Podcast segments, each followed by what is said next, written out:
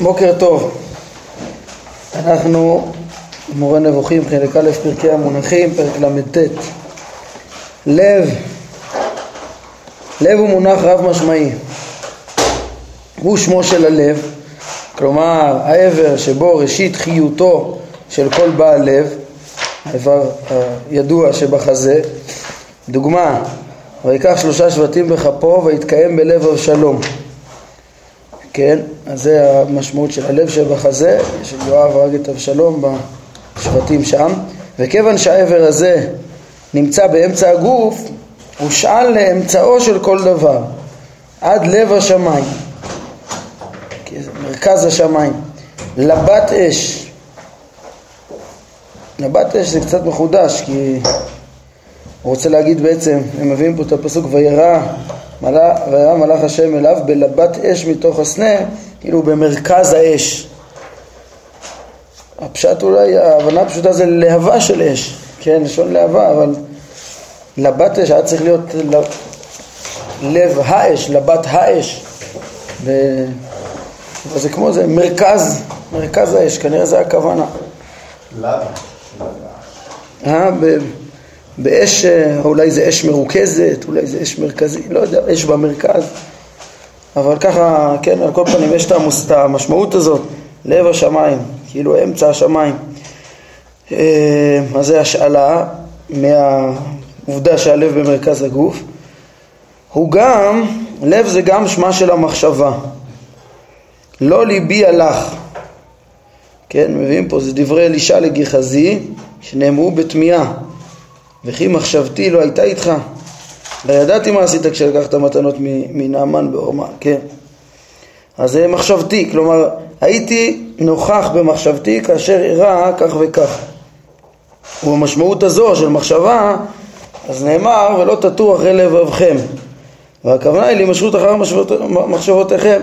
כן, כמו שהרמב"ם מביא אה, להלכה את האיסור לחשב מחשבות של מינות אה, מלבבכם. זה שם המחשבה.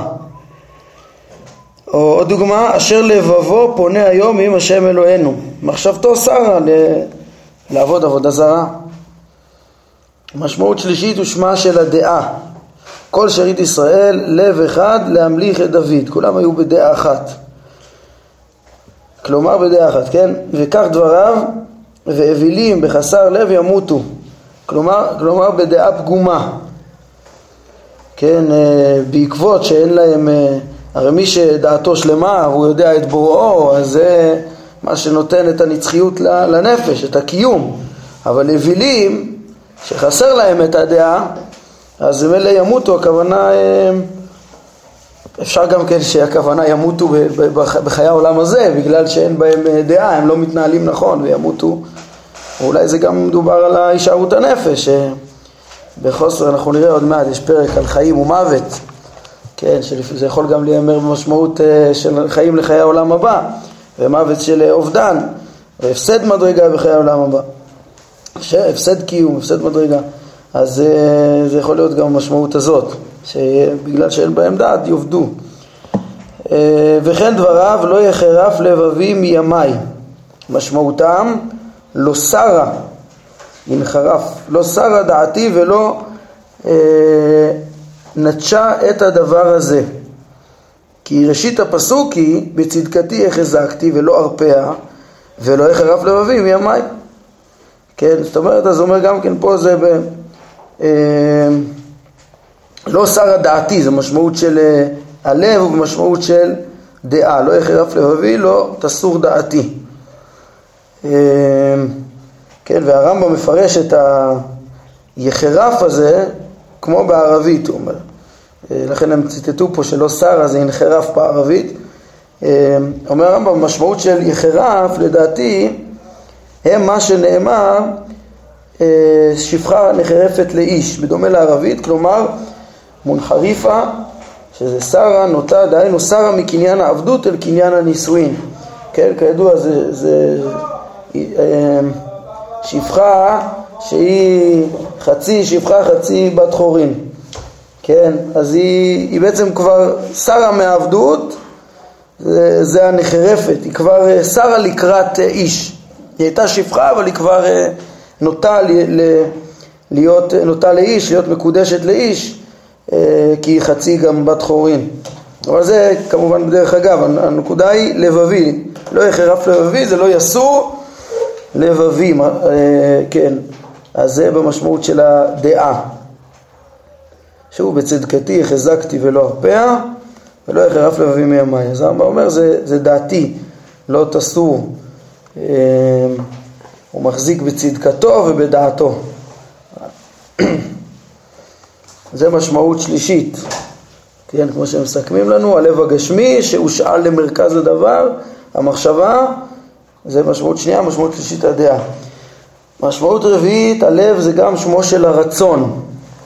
זה משמעות שכבר פגשנו, שהרמב"ם אה, התייחס לזה אה, במשמעות של רצון. אם אתם זוכרים, הפסוק, אה, איך כתוב, ויתעצב אל ליבו. כן, הרמב"ם נתן שני פירושים, מה זה ויתעצב אל ליבו, איפה זה היה? באזור הפרק, מה זה כ"ט, הנה.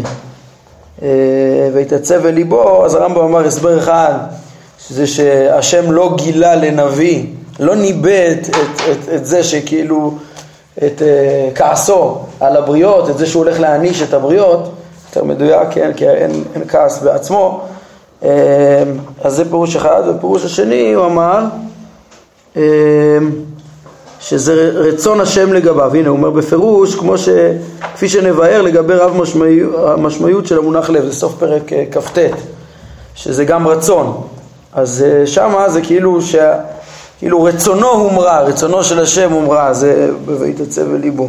לב זה גם רצון. הוא שמו של הרצון, ונתתי לכם רואים כליבי, כן, כרצוני. היש את לבבך ישר כאשר לבבי עם לבבך. כלומר רצונך ביושר כרצוני, כן, רצון לבבך. יש הוא מושל להשם, משמעות זו, המשמעות של הרצון. אה, כמובן שזה אה, השאלה, כי הרצון האלוקי הוא לא כמו הרצון האנושי, כן, ויש על זה פרקים אה, עמוקים. בהמשך אמור להסביר את ההבדל התהומי, שכבר למדנו שלא יכול להיות שום דבר דמיון אמיתי בין הנברא לבורא. אבל בפרט יש לו גם הרבה דיבורים עמוקים על מה המשמעות שאנחנו מייחסים להשם רצון, שוללים ממנו הכרח. אה, אז זה גם כן אה, נאמר אה, כלפי השם כליבי במשמעות של כרצון השם. כמו והקימותי לי כהן נאמן כאשר בלבבי ובנפשי יעשה, שהוא יעשה את רצון השם. משמעותו יעשה כרצוני, כן? או הקדשתי את הבית הזה אשר בנית לשום שמי שם עד עולם, והיו עיניי וליבי שם כל הימים. אז מה זה עיניי וליבי? השגחתי ורצוני אומר הרמב"ם. אנחנו נראה בהמשך שעיניי זה השגחה, השגחתי, וליבי זה, לענייננו זה ורצוני. אז זה המשמעות של רצון, והשאלות שלו גם כן אה, אה, להשם, כן, פה במשמעות רצון, כן, אה, זה, זה בעצם אה, גם כן משמעות של השגחה, ש... אה, מה, מה, יש לעשות את רצון השם, לחקות אותו, ל- ללכת אחר מידותיו. ויש, ויש פה שרצונו של השם במקום הזה, הכוונה שהוא שם משרה את שכינתו ושם אה, משרה את רוחו על הנביאים יותר בקלות ושם עושה ניסים אה, מתמידים. כאילו רצונו שם, הוא חפץ במקום הזה, מביע את רצונו, כמו שלמדנו על הארת פניו, על הפנים, אה, שזה גם כן מבטא, הארת פנים זה כאילו מבטא איזה, איזה דבר שמגיע מסיבת הקדוש ברוך הוא לטובה. הוא גם שמו של השכל, חוץ מזה שהוא מחשבה, שמה של המחשבה, שמה של הדעה, כן, צריך פה לעשות הבחנה, לא הסברנו. כן. מה ההבדל? קודם הוא אומר, ונתתי לכם רואים כליבי. כרצוני. כן. למה הוא כתב את זה בסוף? כי זה כאילו כף הדמיון, כליבי, כאילו הפסוקים הבאים אחר כך זה מדבר ממש על... כרצוני. השם. זה כרצוני. לא, כי כאילו הוא אומר, אה, יש שהוא מושאל להשם. כן. כאילו רק אחרי זה. אני עכשיו... שמקודם זה לא מושאל להשם, כן, אבל מקודם זה מושאל להשם. שומע את ההערה, אני רואה עכשיו שהם שואלים את זה בעצם בפירוש, מאירים, אתה רואה? תראה בפירוש, הוא אומר, נאמר על ידי השם ושייך לכאורה לסוף הפסגה, עוסקת בשאלת המונח להשם. לא, אבל הכוונה זה בגלל שפה זה כתוב כן ליבי, ופה זה ממש כאילו לבבו של השם. לא, לא יודע, לא, לא מבין כל כך את החילוק הזה.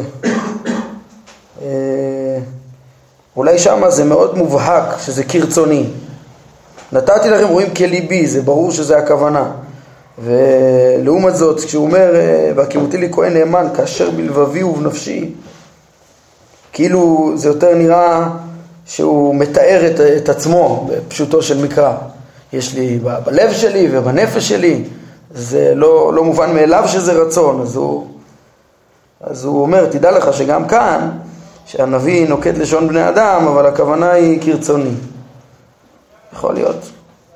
יכול להיות שגם אולי בהשגרת הלשון, כאילו אה, אולי רמב"ם פירש את הפסוק שמה, ונתתי לכם רואים כליבי, אולי הנביא אומר את זה, או משהו כזה, אתה מבין, הם הרי מהירים, זה הרי נאמר על ידי השם, מי שקורא את זה פה זה נראה, נראה כאילו זה נאמר על ידי ירמיה, לא יודע. אבל על כל פנים, אז מה זה, מה ההבחנה בין מחשבה, הוא אמר שהלב הוא העבר, הוא המחשבה, הוא הדעה, כמשמעויות שונות, והוא השכל. אז ההבדל בין השכל לבין המחשבה והדעה זה ברור, זה עצם ה, ה, השכל, ואלה הדעות וה, והמחשבות הם קניינים של השכל.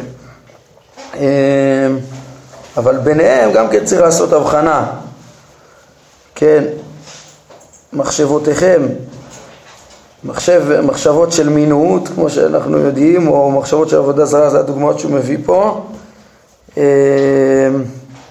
ולעומת זאת יש איזו דעה אחת. באבן תיבון אני זוכר שהוא מתרגם עצה אחת. כן, אולי עצה זה יותר... אמ, הוא כותב גם בראש. מה? איפה? לא, לא תרגום, הוא אומר דעה זה. או, הנה, כן. האמנה, עמדה ועצה. או, זאת אומרת זה... יכול להיות שזה יותר אה, איזה... אם זה עצה, זה משהו יותר מחשבה של אה, איך להתנהל. אולי לפי זה, ואווילים בחסר לב ימותו, זה דווקא במשמעות של אה, מיתה בעולם הזה, שהם לא יודעים לכלכל את מעשיהם בעולם הזה. כן, אז זה סוגי מחשבות. יש מחשבה בפני עצמה, תיאורטית, ויש יותר מחשבה של התנהגות. עמדה, עצה, כן.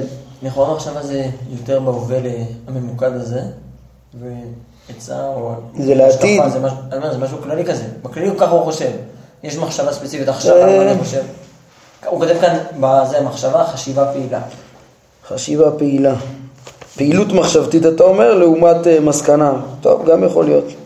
לא את הדור הזה מסדר, מחשבות של מינות זה, זה קצת פחות, כאילו מחשבות מינות זה יכול להיות... דווקא בגלל השאלה שלנו כנראה, מה, מה ההבדל בין מחשבה לדעה, זה ממש מדקדקים פה, כן, כן בפירוש, יפה מאוד. אז כנראה זה עצם החשיבה ומחשבה, והפעילות המחשבתית והדעה, אז זה לא, לאו דווקא כמו החילוק שאמרתי. הרב קפח הוא מתנגד לתרגום אבן תיבון פה, עצה. ככה כן, זכור לי. שאבן תיבון אומר עצה, רב קפח אומר אה, לא עצה, דעה, אז הם תרגמו כמו רב קפח, דעה. טוב, על כל פנים זה... סתם מחשבה שהראש כאילו משתת במחשבות, יש מחשבה שכאילו האדם מזדהה איתה ופועל על פיה או משהו כאילו, כן, מאמין בה, כן. לא סתם מחשבה שלא שייכת לאדם והוא סתם... כן. מחשבות מינות, גם אם האדם לא מאמין בזה, אסור לו לחשוב בזה שמא הוא יימשך אחרי זה. כן. וזה מתאים למה שהם אומרים, שזה אה, חשיבה פעילה, איזו פעילות מחשבתית ולאו דווקא מסקנות שהוא קובע, השקפה, אמנה, עמדה, דעה, עצה, יפה. מחשבות של מינות שבן אדם מסכים גם, זה חודר בו, זה כבר נחשב דעה. טוב, אז חוץ מזה אומר הרמב"ם, הוא שמו של השכל, ואיש נבוב ילבב, ישכיל, אה, ישכיל בשכלו. וכן, וכך, לב חכם לימינו. אז מה זה הלב פה? הלב זה השכל, שכלו בעניינים השלמים. מה זה לימינו? בעניינים השלמים. הימין זה צד יותר חזק, אז זה כנראה מבטא את, ה, את השכל העוסק בדברים השלמים. בעניינים השלמים. וזה נפוץ, נפוץ לב ומשמעות של השכל. כן, עכשיו אני רואה, הם כותבים פה בפירוש, בשם רס"ג, פירוש על פי רס"ג, מה זה לב חכם לימינו? תבונתו של האדם מסייעת לו כמו יד ימינו. טוב, זה לא בדיוק כמו שהרמב"ם מפרש פה. אה, לפי המשמעות הזו, הוא שאל להשם בכל מקום. כן, המשמעות של השכל. כוונתי לכך שהוא מורה על השכל. כשהלב מורה על השכל, כן, מלבד חריגים שבהם הוא יכול להורות על הרצון. כל מקום לפי הקשרו, כן? צריך לעיין, כשנאמר על אה, אה, לב ביחס להשם, אז בדרך כלל זה שכל. למה, למה זה אמור להיות בדרך כלל גם? בגלל שהשם הוא מופשט לחלוטין ופחות מתאים ל, ל, ל, לדבר על אה, רצונו. אה, זה פחות מדויק, זה פחות מופשט. רצון זה שייך יותר לתכונות ש, שקשורות לגוף, הרצון של הנפש, הכוח המתעורר. בהגדרות של הרמב"ם, אה, כוחות הנפש בשמונה פרקים, בפרק א', אז, אז הרצון הוא, הוא כאילו יותר, ה, כן, השכל מדריך את הרצון, הוא יכול אה, אבל, אבל הנטייה, המשיכה, הכוח המושך לדבר או, או אה, הדחייה שיש לו ופחד והתרחקות מדבר זה הכל שייך יותר לנפש התלויה בגוף, השייכת בגוף אה, לכוח המתעורר אז, אז זה בעצם פחות מתאים אבל יש מקומות שלפי ההקשר ברור שמדובר על הרצון כמו שהרמב"ם פירש לנו ב"והיו עיניי וליבי כל הימים" או ויתעצב אל ליבו, שזה רצונו הומרה, כן? מתואר אה, משהו שבא מאיתו, משהו ש... כן? אה, או משהו שקרה במציאות, כן? וכך, והשובותי לבביך, או ולא ישיב את ליבו, אה, וכל מה שדומה לו, כל זה בחינת שכל. כמו שנאמר, ולא נתן השם לכם לב לדעת. אז לב, לא להרגיש, לא להתפעל, לא לרצות, לב לדעת. אז זה במשמעות של השכל. בדומה לאתה הורית לדעת. כן, ואפילו ששם זה הורית, אתה רואה בחוש, אבל אתה רואה ניסים כדי לדעת את השם, כדי להכיר את מי שמחולל את הניסים. אמ, אז, אז הרמב"ם מביא לנו עוד דוגמאות, פה זה לאו דווקא ביחס להשם, אבל זה ביחס להכרת השם, שזה תחום יסודי לא פחות, שהרמב"ם כל הזמן מחנך אותנו אליו גם כן בפרקים האלה, אה, זה גם אה, איך אנחנו צריכים להכיר את השם. כן, התבנית הכללית של הפרקים, ראינו, היא, היא הרחקת ההגשמה מהשם. זה, זה מה שמסביר את סדר המבנה של הפרקים, אחד אחרי השני, זה המסר ה, היסודי, העיקרי ש... שבו הרמב"ם, אה, כן, שבו אנחנו עוסקים פה פרק אחר פרק בכל אה, כל הפתיחה של מורה נבוכים, כל פרקי המונחים ובכלל אה, פותחים קודם כל בדעת השם נכונה, קודם כל בהרחקת ההגשמה, זה הנושא. אבל כבר דיברנו על זה שבתוך המסגרת הזאת, במונח אחרי מונח, הרמב"ם שהוא מתאמץ להבין גם מה כן לומדים ולא רק איך לא להבין, אז כל פעם הוא, הוא מלמד איזה נושא אחר. איזה פרט אחר, איזה סוד אחר, איזה משמעות אחרת והרבה מהמשמעויות זה גם להבין איך לדעת את השם, איך האדם יודע את השם, איך התורה מלמדת אה, ומקדמת את ההמון ואת היחידים וכולי.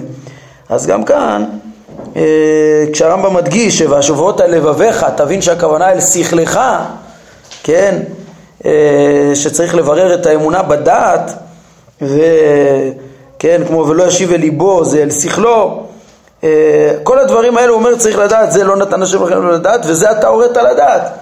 זה נושא שכידוע גם היה בו אה, ויכוחים וגישות.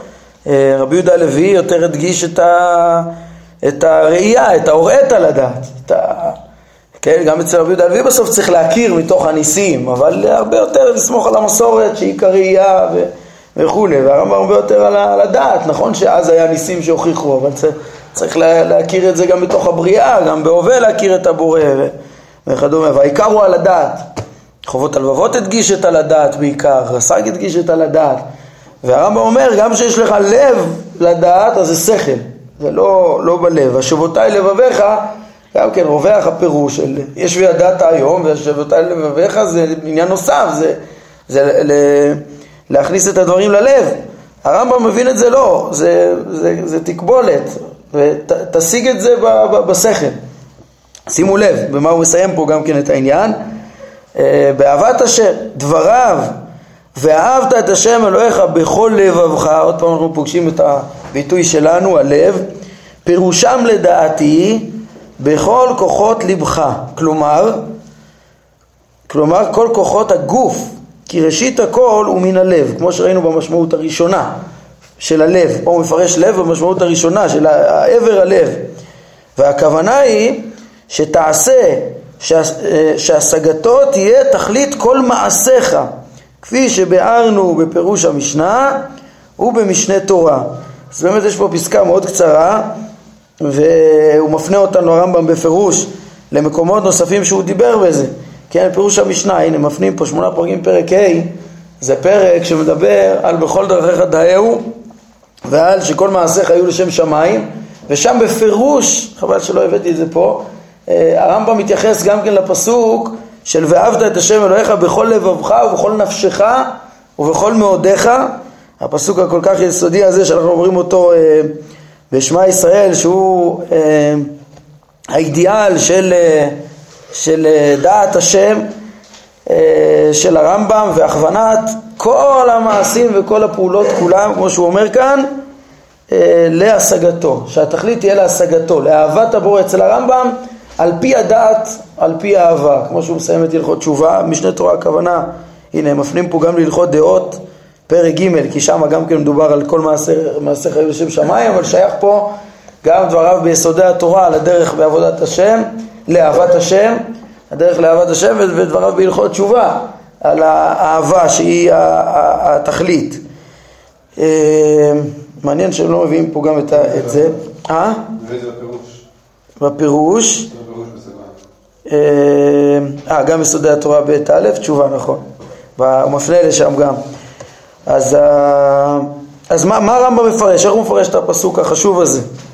קודם כל צריך לדעת ש"ואהבת את השם אלוהיך" אצל הרמב"ם זה קודם כל מתוך uh, התבוננות שכלית והעיקר הוא, הוא, הוא ההשגה השכלית uh, כן, אצל הרמב"ם וזה לא רק אבל, יש פה גם בכל לבבך ובכל נפשך ובכל מאודיך אבל קודם כל על פי הדעת, על פי האהבה הרמב"ם כותב, איפה זה? זה במורה, נראה לי בפרק, בחלק ג' בפרקי טעמי מצוות על מצוות אהבת השם, הוא כותב שבכלל מצוות אהבת השם זה בעצם אנחנו מחויבים ללמוד את כל החוכמות. כל החוכמות, כל ההכנות שלמדנו בפרק ל"ד, שאדם צריך אה, ללמוד כדי להשיג את החוכמה, להכיר את העולם כדי להכיר את מי שאמר והיה עולם, זה, איפה נצטווינו על זה? אצל הרמב"ם זה לא משהו שהוא חול ומחוץ למצוות. זה מי שירצה חוץ מהמצוות יעסוק גם בחוכמות. אצל הרמב"ם בכלל מצוות אהבת השם, שהיא מחייבת להכיר את השם כמה שניתן, כי ככל שיכירו את השם יותר, ידעו, יאהבו אותו יותר, אז, אה, בגלל ש... אז, אז שם נצטווינו, בכלל זה זה ללמוד את החוכמות, להכיר את העולם, שעל ידי כך האדם מכיר את מי שאמר והיה עולם. ככה הוא כותב בפירוש במשנה תורה בעצם. זה, שם הוא מכניס את חוכמות מעשה בראשית ומעשה מרכבה, שזה הכרת המציאות, וכדי להכיר את הבורא מתוך הבריאה שהוא ברא והוא מנהיג. וממילא, אה, כן, רואים שה, שהאהבה היא קודם כל בשכל, לימוד החוכמות, כן, אבל חוץ מזה הוא מוסיף אצלנו את בכל לבבך פה הוא מפרש מה זה בכל לבבך, בכל כוחות לבך.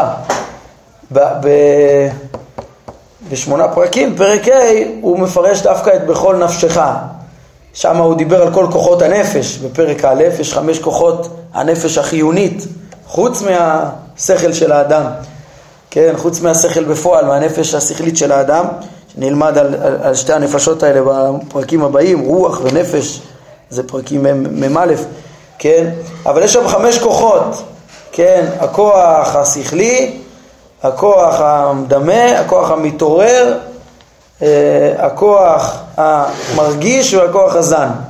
חמש כוחות שהם בעצם אה, מסכמים את, אה, שמכוחם יש את כל הפעילות האנושית שאנחנו מכירים, ופעילות גם כן של, גם בעלי חיים אחרים יש פעילות דומה, פחות משוכללת, עם פחות שכל וכולי, אבל יש, כן, אה, התוצאות הן דומות, הפעלת הגוף וכדומה, ושם הוא אומר שבכל נפשך זה בכל כוחות נפשך, כן, אז זה משלים לנו את הפסוק, ואהבת את השם אלוהיך, זה בעצם צריך, ל... הרמב"ם אומר, צריך להכווין את כל הפעולות לאהבת השם, את כל כוחות הגוף, וזה את כל המעשים לאהבת השם. זה הרמב"ם מסביר שם, גם בהלכות דעות שהם מפנים, איך מכווינים את כל כוחות הגוף לאהבת השם. הוא מתאר שם איך שאדם אפילו יכול אה, אה, בשנתו לעבוד את השם. איך אם, אם הוא ישן במידה שתיתן לו כוח כדי לעבוד את השם, ואם הוא אומר, הכל, אפילו התשמיש, אפילו כל דבר שהוא, אומר, יכול להיות עבודת השם ממש. כל uh, העסק בבריאות הגוף וקיום הגוף והאכילה והשתייה, אם הכל נעשה במידה, בדיוק, לשם שמיים, אז הוא משתמש בכל כוחות גופו, לכלכל אותם ולהשתמש בהם. Uh, כדי שה, שהגוף יהיה תקין ושלם, פגשנו את המונח הזה בסוף פרק ל"ד, שזה אה, השלמות הראשונה של האדם. השלמות הראשונה של האדם זה קודם תקינות גופו ובריאותו, ואיזון מידותיו והכל, ואחרי השלמות הזאת הוא יכול גם כן להשיג את השלמות של החוכמה. כמו שהרמב"ם אומר גם בשמונה פרקים, גם כשכוחות הנפש כולם, הנפש עם כל אה, חמשת כוחותיה, הם כחומר והשכל לצורה. כן, ועל זה אמר שלמה, גם בלא דעת נפש לא טוב. כן, אז, ה... אז יש לאדם את כל כוחות גופו ואת כל פעולות גופו ויש לו את כל כוחות נפשו ואת כולם הוא צריך להכווין להשגת השם, זה לאהבה, כן? ממילא אהבת השם היא כאילו, היא, היא באה לידי ביטוי בכל כוחות הגוף והנפש, אבל עיקר האהבה אצל הרמב"ם זה השכל. עוד פעם, הוא אומר, הכוונה היא שמכווינים את כל, לענייננו לבבך, בכל לבבך, את כל פעולות הגוף, ובכל כוחות הגוף, ואת כל כוחות הנפש, מה שהוא השלים לנו בפירוש המשנה, שזה בכל לבבך, אה, בכל נפשך, סליחה, אה, הכל לעבודת, לאהבת השם, שזה השגתו, הוא כותב כאן, שזה תכלית כל מעשיך. אה, אז זה, זה הפירוש שלו, מה זה בכל מאודיך, הרמב"ם לא פירש בפירוש, יש בסוף מסכת ברכות, שזה צריך להודות גם על הטובה וגם על הרעה, ראיתי, ב, תסתכלו בפירוש אה, הרב שילת על פרק ה' בשמונה פרקים, בסוף שמה הוא עושה ברור מקיף ככה, מכל ההתייחסויות של הרמב"ם ב, אה, בכל כתביו לפסוק הזה, היסודי הזה של בכל לבבך ובכל נפשך ובכל מאודיך, אני זוכר את המסקנה שלו, אבל הדרך הוא מביא הרבה מקורות, הוא מביא עוד מקורות ממסכת אבות וזה, על אה, לב טוב אני נזכר, מה זה, מה זה לב טוב? אה, אז הרמב"ם מקשר את זה לכוח המתעורר, לכל, בכל נפשך. בקיצור, יש לרמב"ם כמה התייחסויות, בסוף הרב שלת מסיק שם איך הרמב"ם למד את אה, בכל מאודיך, ש... שהכוונה אה, בעצם, ב... ב... ב...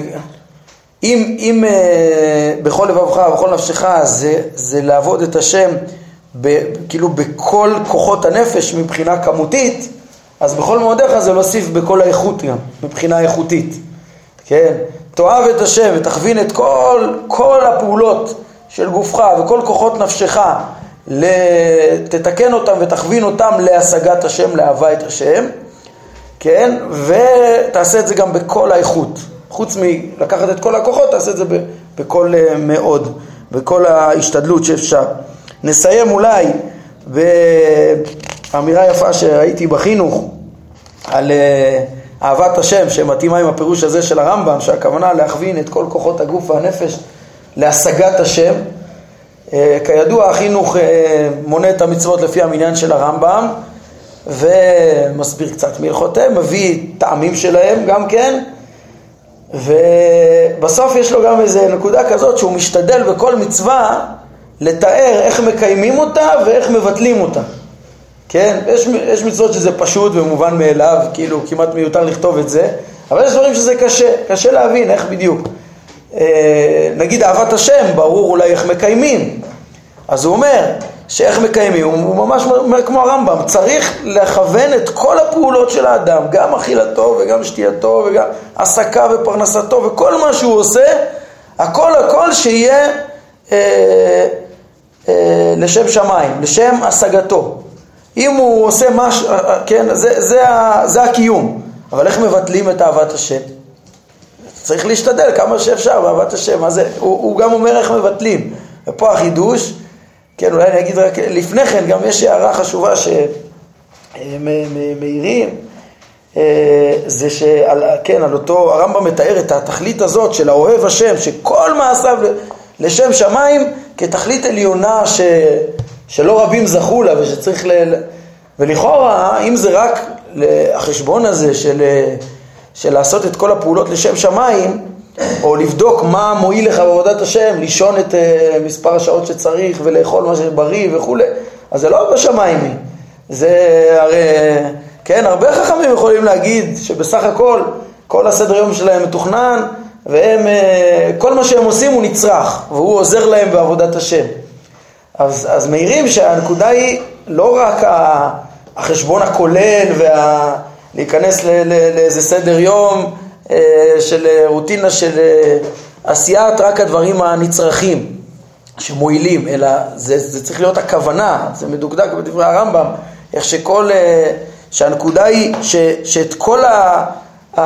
בתוך המעשים, כן, המדרגה העליונה, הקשה היא, היא ש, ש, שתוך כדי תהיה מחשבתו של האדם כל הזמן על הקדוש ברוך הוא. זה התיאור שלו בסוף הלכות תשובה, ש, שכאלה חולי אהבה, ש, שמחשבתם באישה אהובה עליהם ו, וחושבים עליה ושוגים בה תמיד, כן? אז ככה המחשבה על הקדוש ברוך הוא, מתוך ההכרה המעמיקה שלו, היא צריכה גם להיות במודעות מתמדת, כן? כל מעשה מתוך מודעות של, של, של אה, להדריך את המעשים לפי המחשבה. אז נסיים, ב, ב, אז מה החינוך חידש? כן, זה גם הערה חשובה. מה, מה, מה החינוך, אה, החינוך שהוא מחדש גם כן איך מבטלים את אהבת השם. מה הוא אומר? דבר אחד שאדם לקח לשם עצמו ולא מתוך מחשבה לשם שמיים, זה ביטול עשר של אהבת השם. כל פעולותיו כולם וכל תנועותיו וכל זה צריכות להיות לשם שמיים, זה קיום אהבת השם. פעולה אחת שהיא לשם עצמו זה ביטול אהבת השם. ככה החינוך כותב שם. טוב, נעמוד כאן להיום. ברוך אדוני לעולם, אמן ואמן.